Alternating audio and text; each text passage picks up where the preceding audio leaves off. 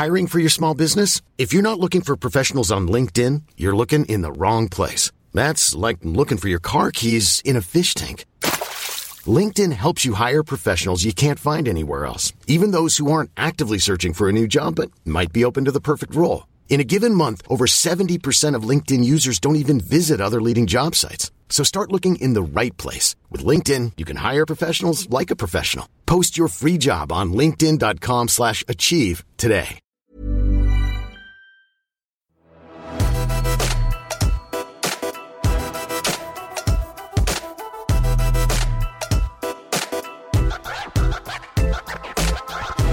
I løpet av de siste årene så har veldig mye forskjellig blitt omtalt som den nye oljen.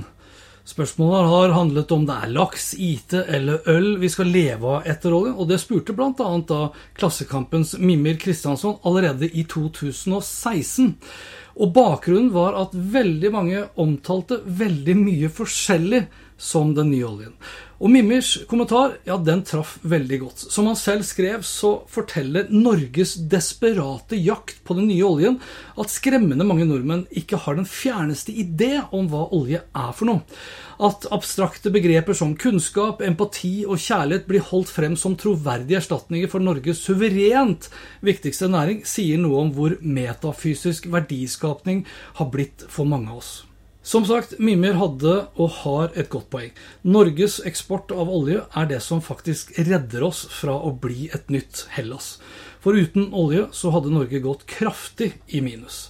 Det gjaldt i 2016, og det gjelder også nå i 2021. Personlig tror jeg ikke det vil være en one more thing som vil kunne erstatte vår egen avhengighet av olje. Men det nærmeste til den nye oljen må kanskje sies å være hjemmekontoret. Iallfall i det siste, for hvordan hadde stått til med norsk økonomi i dag hvis alle som hadde blitt sendt hjem, måtte legge ned alt av arbeidet i over et år? Statsminister Erna Solberg uttalte i slutten av januar at 90% av norsk næringsliv målt i verdiskapning går ganske bra og har fortsatt gode fremtidsutsikter. Det hadde hun ikke kunnet si hvis det ikke hadde vært for internett, bredbånd, videokameraer og laptoper. Hvis vi ikke hadde hatt mulighet til å jobbe hjemmefra. Nå kommer også spørsmålet om ikke hjemmekontoret er i ferd med å redde distriktene. For i september i fjor så lurte jeg på hvorfor i det hele tatt vi gidder å bygge ut bredbånd i distriktene når alle tross alt flytter til byene. Og i løpet av de siste 20 årene så har bredbåndsutbygging vært et viktig tiltak for å bevare norsk næringsliv og bosetning i Distrikts-Norge. Samtidig så forgubbes distriktene mens byene bare vokser, og trenden har akselerert i takt med digitalisering. Vil denne trenden reverseres nå som alle kan jobbe fra kjøkkenbenken, sofaen og soverommet hjemme?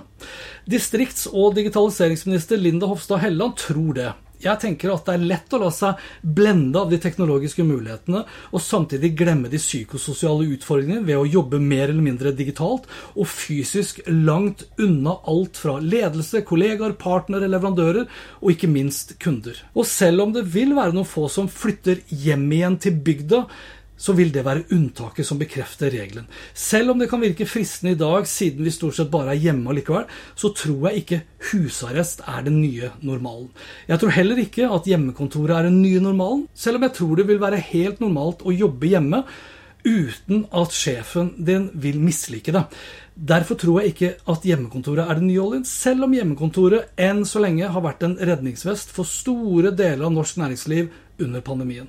Når faren er over og du har kommet deg ut av den stormende sjøen, så tror jeg de fleste av oss vil velge å ta av seg den samme redningsvesten. Jeg tror de fleste av oss vil foretrekke å møtes igjen fysisk. Samtidig tror jeg vi kommer til å jobbe mye mer hjemmefra fremover, men jeg tror ikke det vil være så himla mange som vil flytte til bygda, selv om bygda har fått både DAB og bredbånd. Vi snakkes da. Hei så lenge.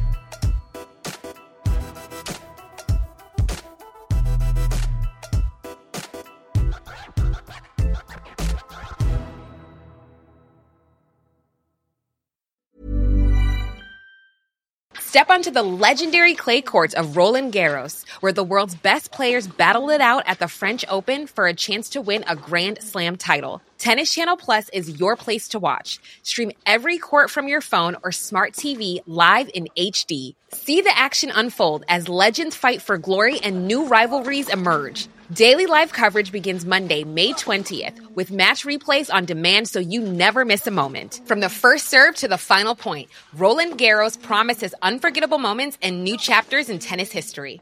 Stream now with Tennis Channel Plus to be there when it happens. My business used to be weighed down by the complexities of in person payments. Then, Tap to Pay on iPhone and Stripe came along and changed everything. With Tap to Pay on iPhone and Stripe, I streamline my payment process effortlessly. Now I can accept in person, contactless payments right from my iPhone. No extra hardware required. What's truly remarkable is how I can cater to all of my customers' payment preferences. Whether they're using cards, Apple Pay, or other digital wallets, Tap to Pay on iPhone and Stripe ensure a smooth checkout experience every time. And it's not just me. Stripe helps businesses of all sizes, from local markets to global retailers, scale quickly and stay agile. To learn how Tap to Pay on iPhone and Stripe can help grow your revenue and reach, visit stripe.com slash tap iPhone.